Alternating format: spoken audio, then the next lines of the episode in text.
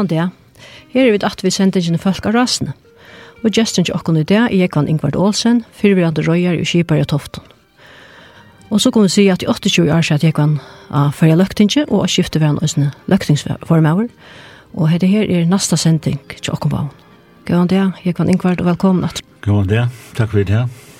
Jeg har man sagt A, så må man også si B. Ja, ja, ganske langer fram vi er på scenen. Ja, det håper jeg. Eh, vi var og senast mitt og en utrøratur, tog den første utrøratur vi mot Hårbatt, og her var en løgne etter at det var ikke det? Jo, det var, det man sier fra, det var min første tur i en deksbåt, som, som stod smadranger. Og vi kom her til at det var, eh, blev 11 år, og løgne slittna i. Og vi ble silt til hin enda, men det ble ikke ikke løyder å legge av. Og så, så slitt når jeg tog inn tjåkene her, så vi må helt røyne for å få oss en løyne nå. Og pura til sjøvnen. Nå steg lunch. Nå steg lunch, ja. Men det var så, det var ikke, det var alt ilve var da. Og det ble så lige tja bøyene. Og jeg heter Skott, jeg er sjøversk.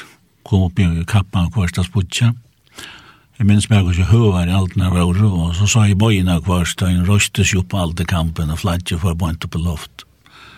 Og så datt hun ned i alt all natter. Så her lå vi så, må bøye og at vekker skulle debattene. Og henne mennene tar røyntes var sove sinter. Og som jeg sier fra, så var det bare en kodja, hver mennene lå omskærer og er la øremeien, så det kommer med av det trett hinentan. Og henne rønte så at, at ståa seg av nere lugaren, og det var ikke størst. Det var benker hver menn, og her, her la så henne hver bønsjen, og så lå tvorn i dursjen. Og, ja, og da svå hun ekkert langs, det var ikke, det var lov seg her.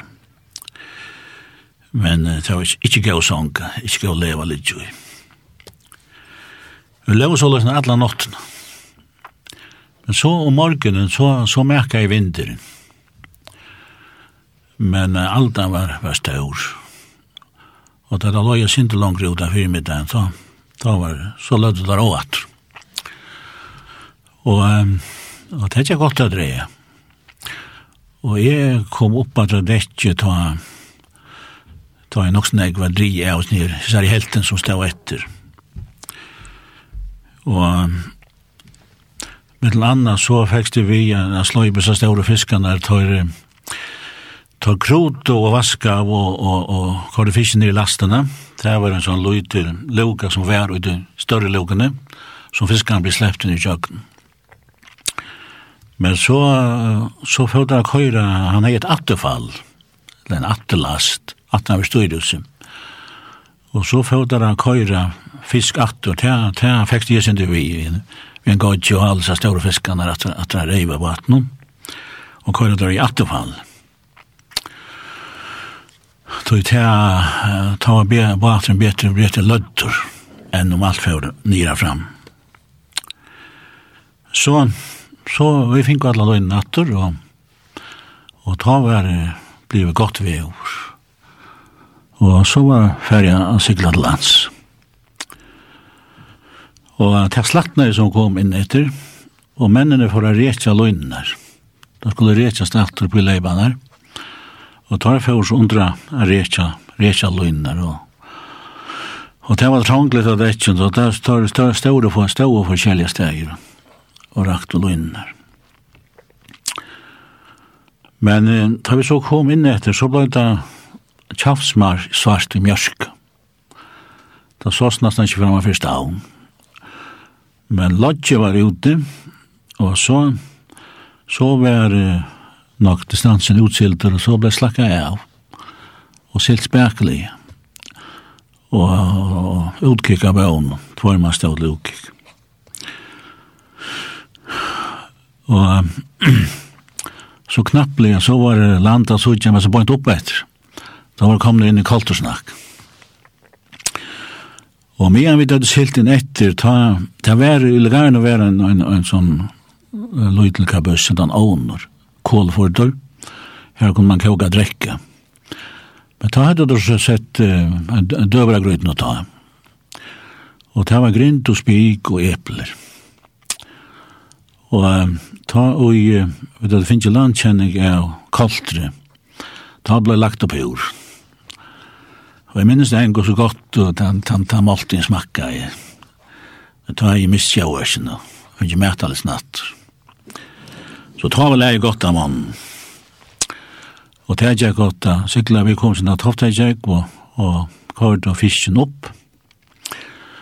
Og det har vi i 11.000 pund. Sett og tog til løgner. Eh, og tog stikker kvart det 100 stikker sett. Og det var 11.000 000 pund. Og jeg halte ikke at hår hilde det av en akka nek, så jeg halte det var godt fiskar roi til togjen. Det var nekko fiskar under, under kroin. Så det var den første turen som er vi, vi, vi deksbåt. Men eh, papi, han eh, hei er da deksbåtar. Eh, han var ikke til kips ta lukk av en krutje, og heldur ikke at han var krutje var kom. Men han hei ført i han ført i øynskja, da han jakk kipshandel i havn, han etter Magnus Høynason, Torre og Løyno. Og så ført han øy fra Klaksvig, som er et haffær.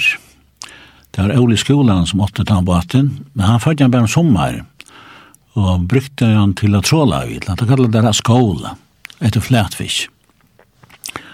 Han hei han i flere sommer, ta, jeg vet ikke, det var bare en annen krutsk og underkrøyne.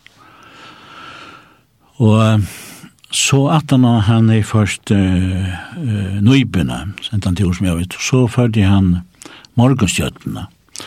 Morgenstjøttene, det var gamla rutt. uh, den første, eller han baten som Majeroi 80 og selte roten innan av Skalafjøren og sånt alleg. Han var så ombygd rundt og Krøynen, det blir høygar 80 igjen. Og det var ta helt jeg vera størst skip. Han hei kodsjer og lagaren, og han hei egninga skjur, og fyra manns kunne egna skjuren. Så han har en radiotelefon. Og vi tog på at nå var i nekra tur der. Og jeg, han, man, man minns ofte han det beste, den første turen man er vi i kjip. Og den første turen eh, som jeg var ved i morgenskjøttene, ta, ta engte vi på stampar. Og jeg minnes ikke når vi begynte egna, men vi, vi engte, og, og så for det sted. Og vi får røysen tann til åren så vekk romikines, langt det snarere her. Og vi hadde engt tredje stampar. Og hadde agnu i. Og så sette vi tar stamparna og drev og rattur. Og så får det egna på at. Og virkelig var godt. Det var ikke som vi i Nøyben. Finnes av vi. Og i halte da gikk nok snegg opp hui nær man sette løgn og imot til streimen. Så vi fikk ikke agne på alle stampene. Det ble bare tjej og stamper som ble sett til den den 17. dag, eller den 17. natten.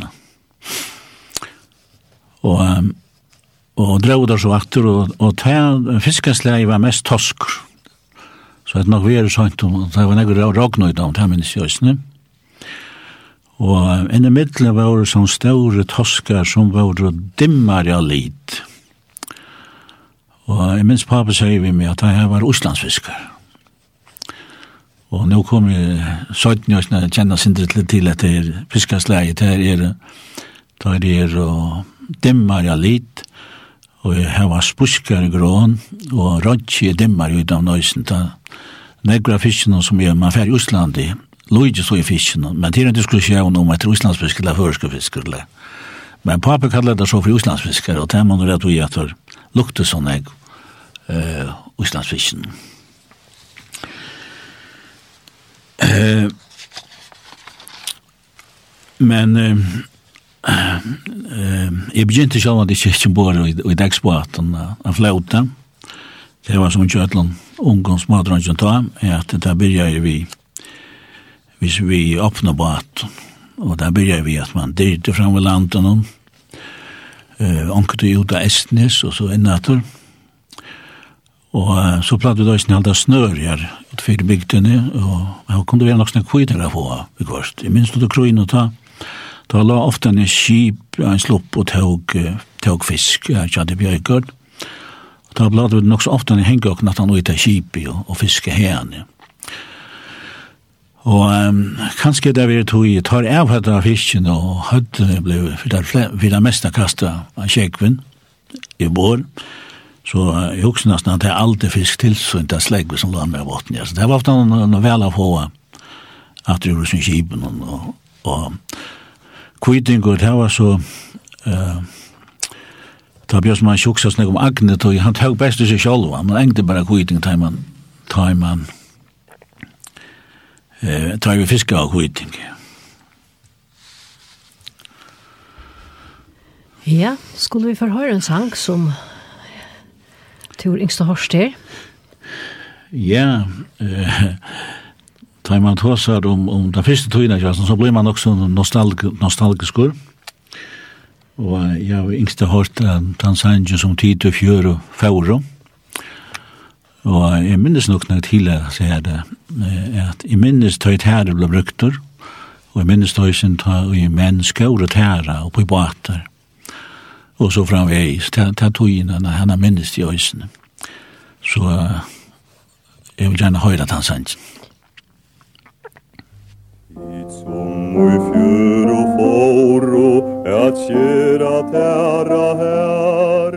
Og tæra leipen boro lengt innom hea gær.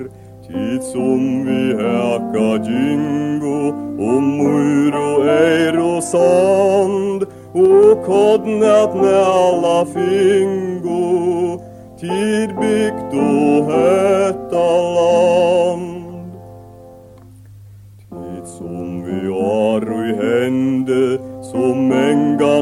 blotnar det Og husum strondun lende Vi hegg vår gåon lär. Tid vatt og fiska grunne Og slite hungors band. Fire kvann plink tid funno Tid bygd og hetta land.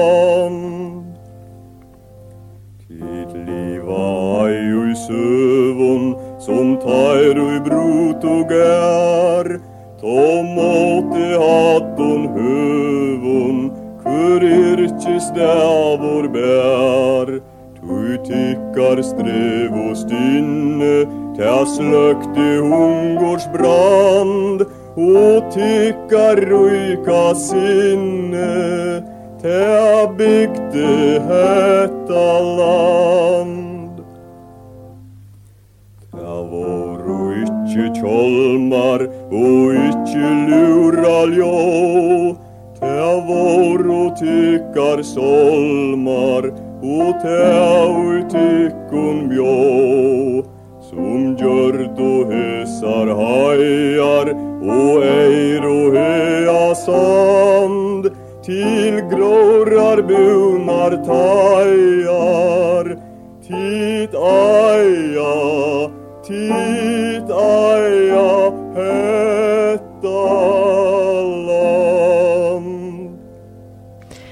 Ja, vi tar til Andreas Reiner sinja tid som i fjør og fjør. Og jeg kan innka at her oppe jeg rekne som tid bo, her vi så innan at jeg kom bo i Abbabatsjetoin. Ja, oppe jeg rekne var tvei hus, og, og i hinnan husen bo i Abbabatsjetoin vi, vi sina familie, og tøyre uh, var, det var udramen, la fiskemenn bort det. Da hadde hun men annars var det kjekkene som var, var torrasa. Og jeg sin Abba Bajmun, han høy uh, og sinner. Da hadde hun ser en stauran uh, kjekkho. Og jeg halte da Abba, Abba Bajmun ble gammal, og det var en gau dag, og han ikke var slappen av flåt, så vel jeg ikke seilt om. Han tror jeg alltid, han flåt. Ehm Og vi, nu var vi trutje bodja som, som var eldste sjokken, og vi, det var nok så tullja, begynte å teka okkom vi til utregvar. Tar hatt en båt som høy og en sabmotor som, som jeg gløy, altså han skulle høyde sittast opp på han, kunne få oss til gang. Og det var, det var affære Estrum Esnes ut, ut i Alen, det vi ofta når vi lå innom, men øysene, men øysene vi snøre, og han var sera konnyr gamle guttormar. Ja, tar vi sett løgn, og så rundt han alltid sett etter, etter bleidenbottene, tar sett ut etter huset, og så skakar han av i middelen herbottene der, og så, kvart, så, så, så er han køyra kløyp i av, ja så at løgnan skulle søkke kjøtt og ikke reke på det på harbaten. Og um, da vi var vi snøret, så, så, så leie han grinner om i, og ta hei han alltid høtten, det var et avtale av myen og straten og og forskjell som han kunne, kunne leie. Vi er alltid kjall i en båt, men han stod grann egg i, i, i nesten. Da papi er sånn egg anna gjerra. Ehm för åttarna var det snör och lojno. Och så så var det så lös när att hoften fiskar men det var silt. Det var ofta en siltagöd.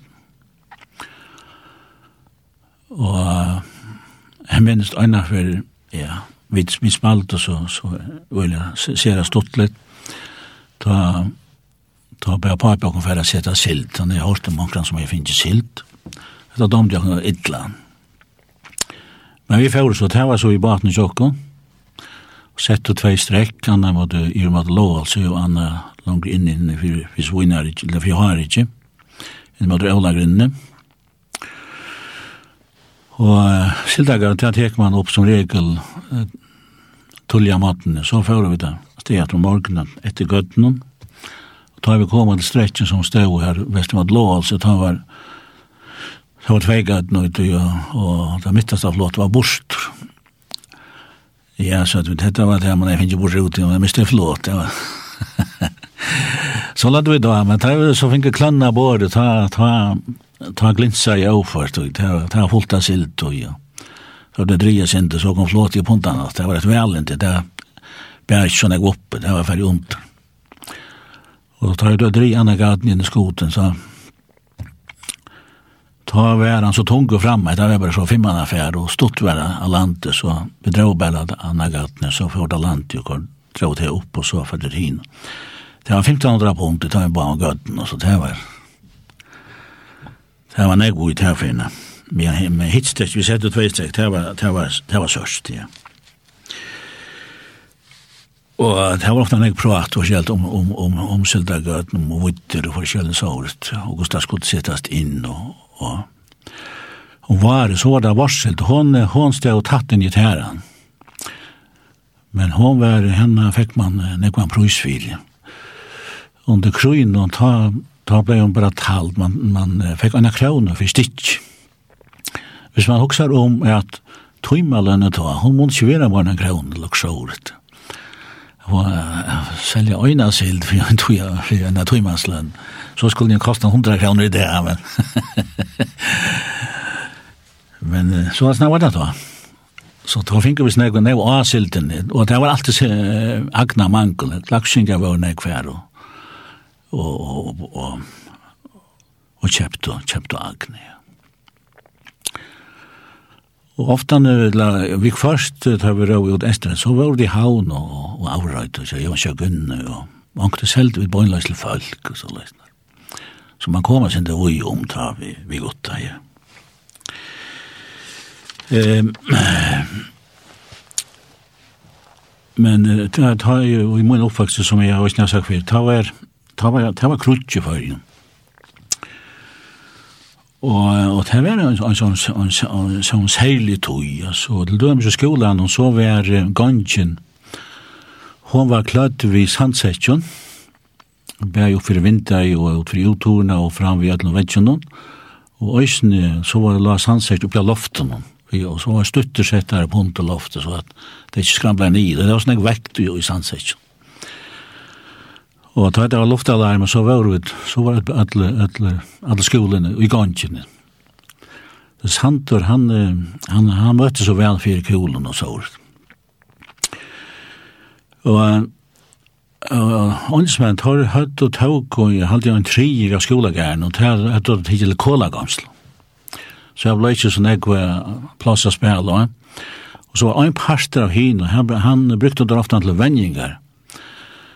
Og her høyt det nekrar skårjar mannakroppar, gjøydar av hessian og filter vi, vi, vi holme, som der høyt og sett inn sånne rammer. Og Og så vant det der vi, vi bajonetten riflen, og da skulle det stinka i seg her. Motparten ja sett at det kom til bajonettkamp. Og så stunket der ut i jøkken og bjudgen av dem, og så kom det sånne holmer inn ut, og så det var jo som katten han ringer ut av dem. Så det gjør vel, jeg heter fyrt i skoletøyene? Eh, nei, ikke skoletøyene, men vi, vi dvore at det var rundt om der, så vi så hvordan det er bare seg et, men det var en sergeant som, som var en og det skulle gjøre. Det var også en nek til døms i hean, det var nek var venjengar i hean, og vi skulle bedre torv og så var det ofte at det var så, så måtte man fære en omve. Så der hadde, hadde vendingar, og så skulle man ikke komme i skåtlinjen her som der hadde vendingar. Annars hadde der en fastan kjødebane, og som vi sa, oppi Holse, bort oppi i Tofton, her vandrer der nesten daglig vi har kjøtt. Og um, det var, jeg har skrittet det sånn, det er akkurat om det langste mål, det var om 400 meter som det skal. Og um, det her hadde der så jeg golar rammer, altså, og så var en bletter i myene, som så ut som et halvt høyt. Og det er det skodet der, så, så ui. Og hver er fyrir tar det skodet en, en rui av, av, av, av skåten, så ble det stegga, så var nekru stau at det var en stauran stein, så fra der hitja gos at det var rakt, og så klistra der ui at det, vi svarst, vi stod rakt under myen, og vi gode, vi stod rakt utanfyr. Og her lå ofte en forfeilig rikve av, av, av trauma, uh, patronen, hilstren her, her oppe i heen. Det er blant vi det hent i kvart. Og først hadde der så var jeg så var det som der skot etter som, uh, som gikk etter kinnar, altså det, det, det førstgeise, det er som der skulle sjått etter. Så det var vanden jeg hver, og øysene vi, vi, vi, vi tofta av vatten, er skotet der ofte vi morstaren, vi granaten så får en bo på luften och törst från vattnet och, och exploderade det så så kom ner och jätter. Så här var det eh var var nekv ja ja nekv det man ofta tarna vart man skulle ett tarv vi så ordet vi, vi er snir jeg var snere vendingen der høyt. Men så marsjerer jeg der, og ofte jeg hadde der musikken der der ikke var. Det er lukka sånn kvør sin, sin musikk. Åndsmennene, tar som hadde kan nevne vaktene her ute i Anesi, tar brukte med nek hatten og sår, med en skautene, tar, tar brukte nek setja på ypper, og trommer og sår, et sett. Det var nok så, ja, ja, det var, Det var nekva høyre da. Så det var bare Olvar og gammal? Ja, det var det. Og så, ja, så var det, det var så glede ofte han flikkvar var og bomba av. Og jeg minns særlig at han øyna dagen, han flikkvar som neiland av Gøtevik. Han var i stadler enn vi, vi tofta i kjøk. Og han kom, sånn som fra Kotlafir, lokt stadler. Og da han kom og rakk så begynner det å skjøta av stronten og av nesu og av toften. Og han var så illa lakstadur at da han fært etter ivrig, jeg vet hårde hos kulen der njelt og. Det han var for boi her. Og vi, vi vant han for å takke ui, men, men han, han fært så i om halsen her. Og neilende så av Gøtevik. Og det var, det var skattaner som fært inntil gøtt etter sånne tuskaren. Og, og vi dvevur så her inne tja, tja tog et og, og boja vet at den til å komme ut at vi som tuskaren lekk for å hente. Og ta, her var det et, et sottnus, det var ikke et sottnus til at, at, at køyra dør noe. Gjør det var en sånn kraftig slag for horen. Jeg minns at gamle bønder kom fra boi og hukt inn, og her var bare, bare sånt kjeri, og, og, og jeg var ikke, det var stoppgøl, eller målgøl. Han spurte om det skulle være hodja til det lidjo. Men så kom det der, da kom vi i jeepen, og da sjå det så hos annakvars, en tyskar, og en sånn sånn sånn sånn og så vatter en tyskar. Og gommer på at den var øysen i øyren bilen. Men da får ikke sånn, så da får vi og i en barakk, og så er vi så her i barakken til nottene. Og så fører det til havner det er etter. Og vi var den nere, nere tofta ikke til det fører. Den øyne var hattleser av dem, og det var minst større med. Så man hei etter, og, og, og det, det avvirket også en spil, ikke av bøtten, la vi spalte ned nekkrut under kruen. Så det er jo sånn avvirket, Ja og knøysene. Um, kan du minnes til at det var bænkner eller? Nei, slett ikke. Så vi tar ofte, hvis vi ikke var skolen, og vi var, var fruer for jakken selv, så, så rigget vi noen med kjøttsopp, og spalt og kjøtt etter likværen, og da tar jeg kom for å bo i her, på samme som hans menn gjør det, så ta, ta, skatt vi ikke en tanke at, at det skulle være feil sjåkn. Så dette var bare spennende å Det var helt spennende, ja. Ja, det var yngste hørst en sang som som i gitt meg og krutja gjør. Ja, ja, det var skattaren tar spalt, så, så, så hodhekande på sina setja på Uber, så ja, det vi færre spennende den, den skotska nasjonalsangen. Ja, Scotland of Brave.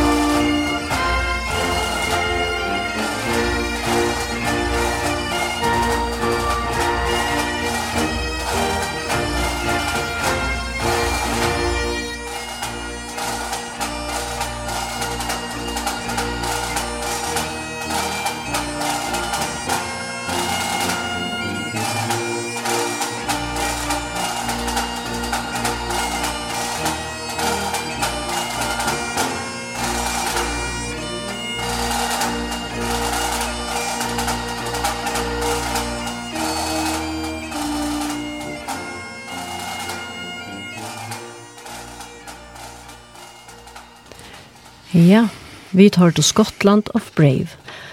Og vi kunne endertekka at dette er kjent ikke folk av rasene, og at gesten ikke okkon. I det er Jekvann Ingvart Olsen og Tofton. Jekvann, to varst ikke bare vi av sjøvnen, men to slapp øyne å være vi abbanen av fjall fra Batnia. Ja. Ja, som jeg har sagt før, så hekk jeg nok snakk opp på, på abbanen, og uh, kemien tjokken alltid var nok så gau. Eh... Jeg minnes ein stauran kæv i min løyve, det var nukkan tjei i fjørt, så tar jeg veri, veri, veri, vaksen som så. Han la halde nastan tvoila trutja manna tan, tan kæven, og, og seier han fekk han sjamarsken. Så tar man ikke bøyre vid hodj i lenga, lenga tog. Men det var en stor fedle til å være i høver i fyrr.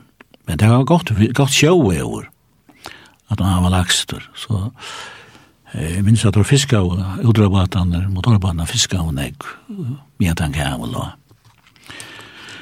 Men det spenn, most, det som var mest spennende vi, vi, vi, vi, det her, for oss vi sier, det var, det var, det heste kom, og man skulle færa fjall. Og, og det er også en brottsenegg innanfor, for seier røkt og fjallgång og, Uh, nekvast det skusses her er mokkara løyer. Um, Fyrst i minnes, det var jeg slipper fjall i Abba, og vi, vi skulle til døms færd i Vinev.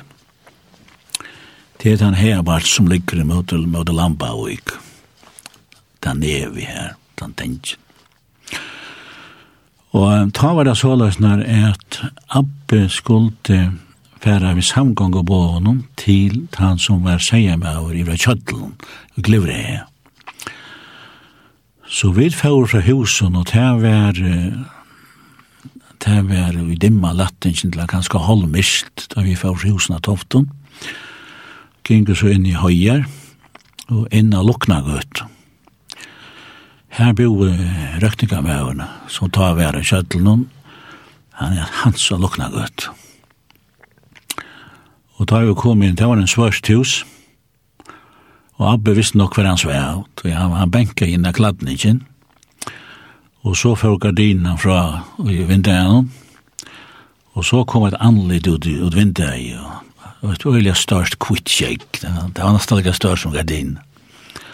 Og så lærte han vinduet opp, og så sier Abbe hva det var, det var jo annet skulle ta fjallet, men i nev, og, det var samgånger på.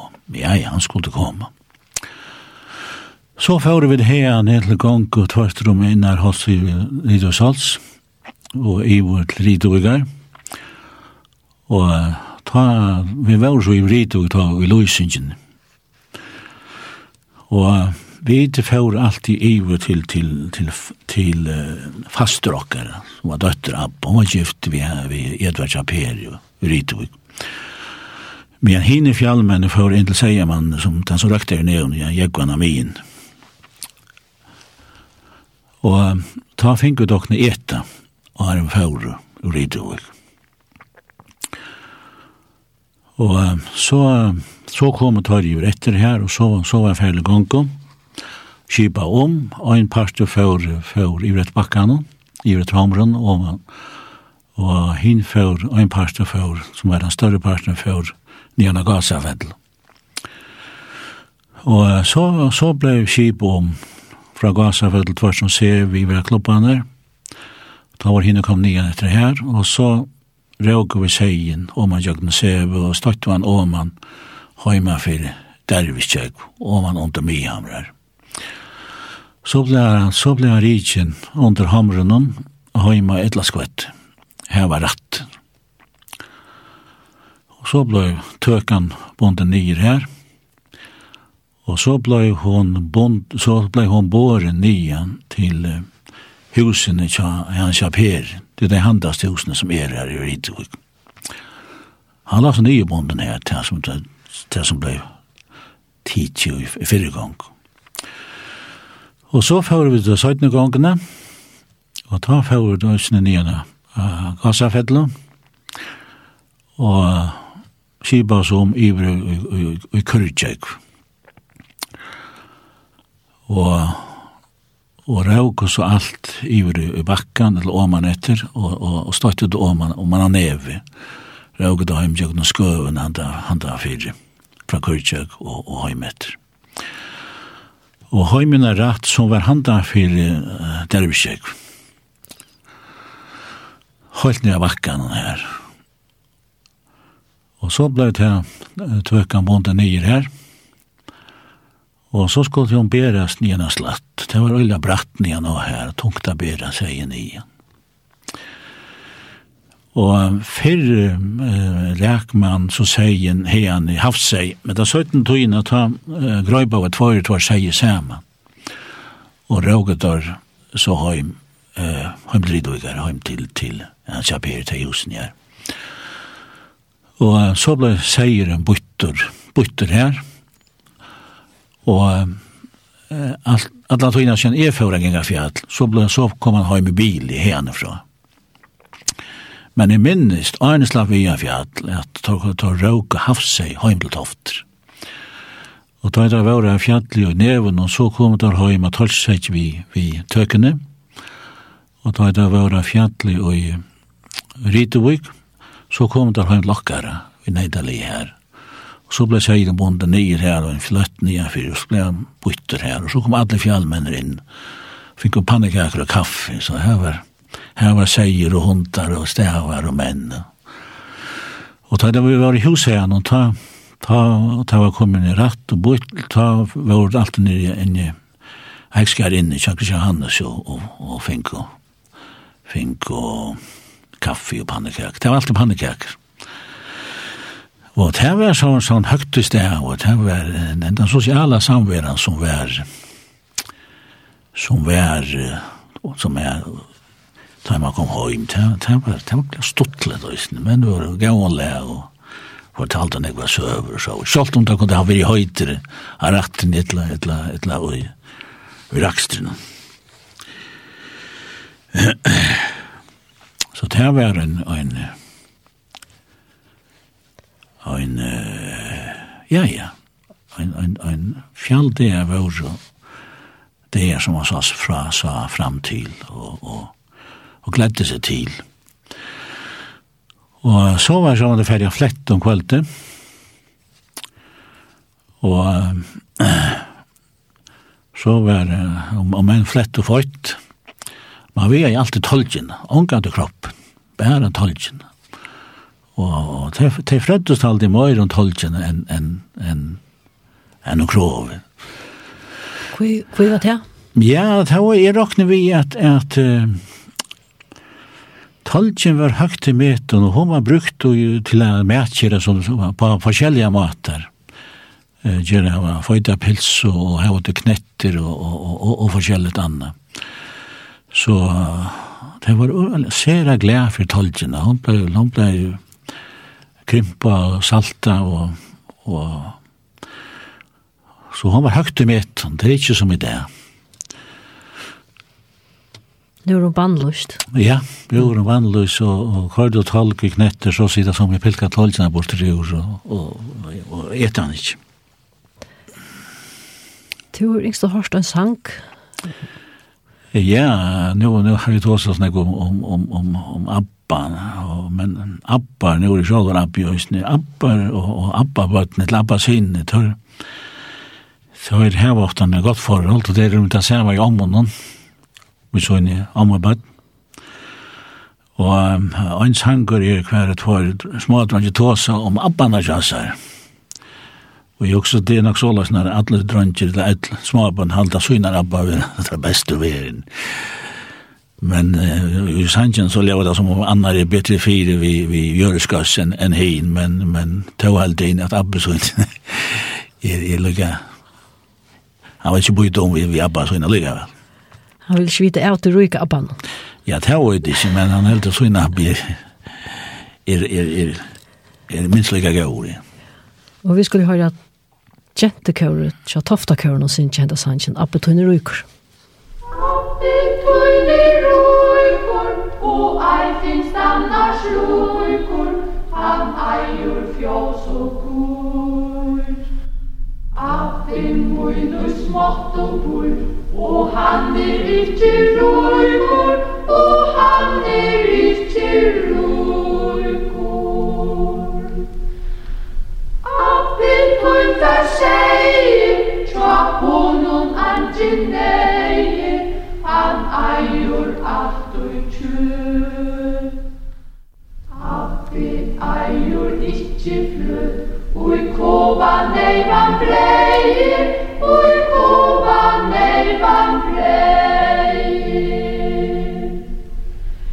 Sjøstukan hinsuja Tven haltig der man fruja Og fruka appatur Ikkje frujur appanur Kotikanda bur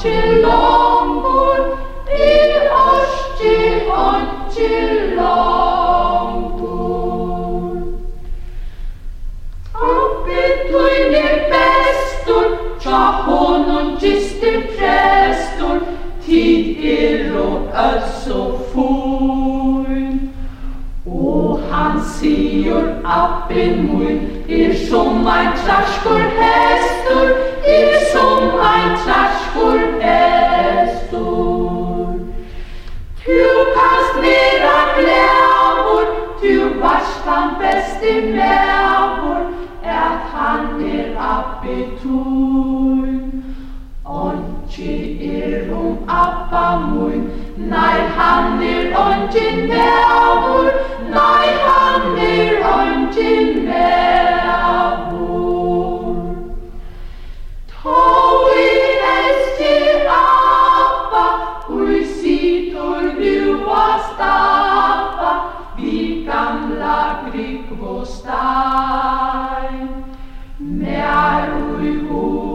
ikkje ei kan vitas jamt vi ava kan vitas jamt vi Ja, vi tar til Appetøyne Røyker, her stendt at det er tofta kjørene, gentokaur som sunk. Ja, jeg kan at litt putlas fram vi strendene her i fyrgen, det var ikke akkurat det som en en unge dronker drømte om ta i tøyen i et lakvet? Nei, dronken hadde, hadde en drøm om å slippe til kips og telle som etter menn. Og jeg har sånn at jeg også tatt drømmen. Men at når krutje var det ikke, ikke lagt å slippe, slippe ombord i kip. Så kipene var røyland ikke færen, søkt under krøyene. Og så, det gikk en tog og her en Det kom noen ekva skipen til fyrir, så at, at folk så kunne sleppa, sleppa til skips atter. Og um, her var det så løsner at, eller i mine for at det blir høygård og Jakob høygård og pape, så kjøpte han en skånner til Danmark, som er falken. Og hun, hon silde vi frakt, vi hadde kjøpt henne, og tar atla han til fiskeskap, men eh, frakten var så mye gav, så mye godt, ta, at, at hon kom ikke hjem på henne vei, så hon silde henne frakt, henne tog i frakt, og, og Norr-Europa og, og Fariar, forskjellige turer. Mm Men eh, så i, i 48, ta blei hon rykka om til affæra av Sildavøy, Luslands. Og ta slapp jeg vi. Og ta blei var um, nødt, og bata blei kjøpt i Norra. Ta var tvarsnær på bata vi som hadde motor, og Og så måtte lugaret gjøre større, tog, tog, det ble nek menn, nek, nek fløyre manns enn det du vet, at det var silt i frakt, og det var fagemanns. Det ble så rykket til, og vi skulle salta silten og vår i tonner. Og så tog vi den vår, proviant og utgjer og tonner, Og det ble gjørter en, en, en tjadler, en, en tunne tjadler eh, her om, om en sandmast og de bakbord. Og til her tunnen er høyde så en halvtunne, en jøyser. Og så, så fører det av stedet gående til. Det skulle komme en, en selte av bass, ikke at man skulle være norsk eller uslensk, men han sendte så av, så han kom ikke vi, så Jakko som var, ble kjipare, var kjipare, han ble så øysene til som han røpte for Sildabass. Sildabass, han, det var tar som var i snert på baten, tar, tar, tar, det var leis fra kipen, så var det Sildabass som var, var bestemma i her. Så får det av sted, og tar vi kom, og då kjent djupene, tar vi så tung alt det, og tunnene som var settar og i, i kjattelen, der hadde allar kvalt på seg, en holdt tunnen i seg. Det som man kanskje ikke har hoksa så vel om, det var at hver jeg for kjipe eh, kastet seg av sågjene, Så nu nu færa allir så kvalpani oi, tar tar roga fra einar sjø inn i tunnene og langa i hina sjø inn i tunnene. Og vi til at dette var hundra av oss av tonn og uisen her, så ble jo slæget så greit størst til saman. At øyna fyrir var bjølgakast her, kom, kom når nekka når, når om, ryker sujan og tjattlen. og en stau ryker var tonn for hver jo bor. Men eh, det var ikke å gjøre, vi måtte bare røyne løyna bjølgat og smykje for fyrir bor, og Hina fyrir alla trillande att sjön inne mot Jake utan Og, og vi det det var så sjaskot i sjön at at det blev inte sett båtar utla till bjärgat dem. Men så sålde vi det ut Og og fyrsta land landet så jag minns det en det var en öd som den som fyrir kallas för skrovan, han kallas för skrodra och islandskan, det var, det var mjörst, det var, det var också nära han Og så får det innan mjøafjøren at, at, at gjøre båtene og, og, og nødene klare. Så begynte vi da å fiske vi nød her. Og Vore så her oppe etter Estland og opp på Norrland opp til, opp til Støynen for kjølestestene her. Og eh, jeg halte ikke vi var særlig heldige. Vi fikk jo 1100 tonner av, av saltsilt tanturen. Og vår alle sesongene. Og uh, vi skulle da, det skulle spære, vi skulle helst ikke fære inn. Det kostet jeg å klarere, så første for jeg sette fjorden av land, Osland, det var nye fjøret som heter Aksafjøren, vattnet gikk undan sjåkon, Og vi skulle inn her og hala vatten. Og så ble nøyden drien i røren på vatten hon. Og tonner sette ned og igjen vattnet slitt ned røy, altså tømmer silt av tonner.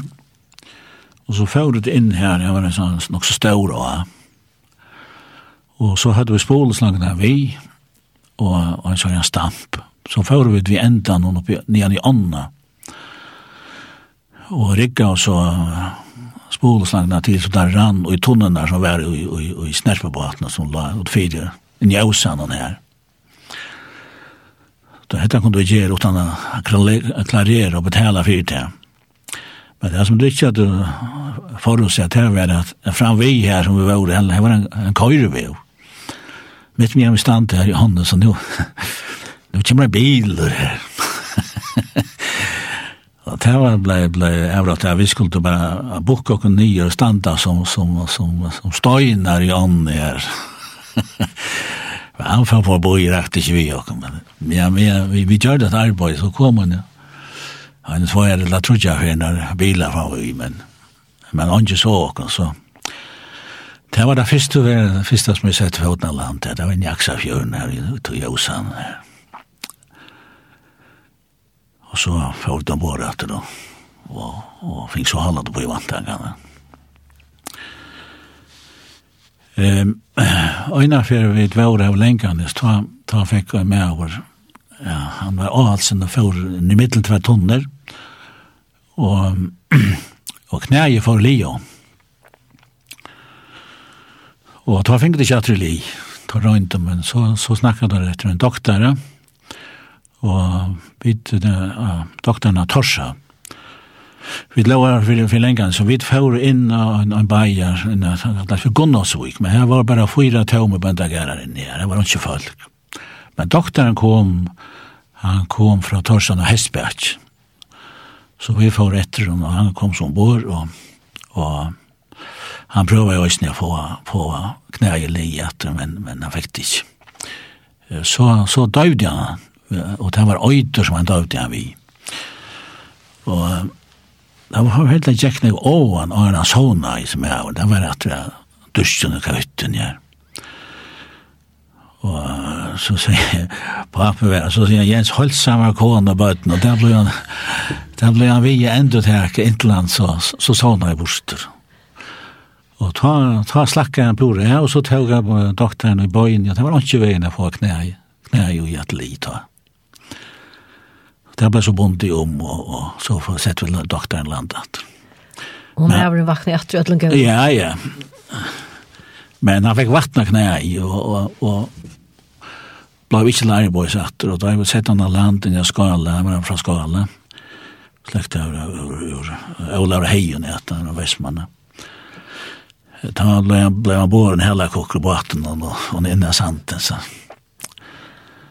Men, men han ble fruskratt til bøyen og kom til arbeidshøyden igjen. Ja. Så tog ju någon gång kött om man sitter och pratar. Ja, tog ju en gång kjøtt. Det er nesten lika ring som jeg tenkte seg at jeg att stående på under pedingen då. Han ikke noen dag i förståelsen. Ja, det är inte hyggligare än det. Hon har lärt det. Ja, ja, ja.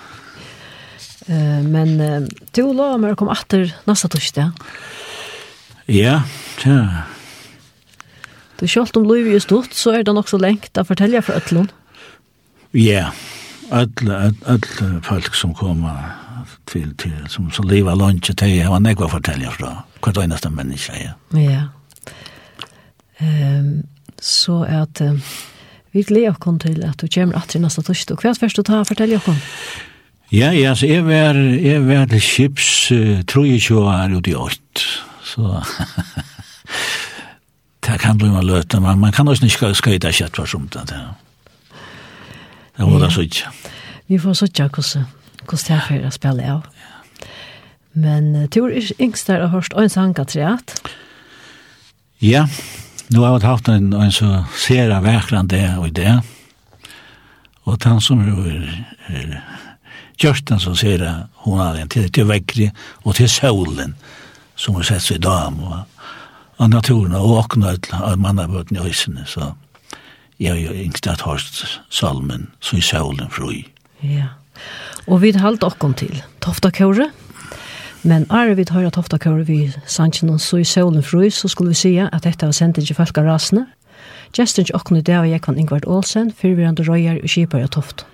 Og så er jeg bare etter å si takk for i det. Og i utvarstående Rona Siversen, tekniker er Ronny Petersen. Farvel. Ui, ui, ui, ui,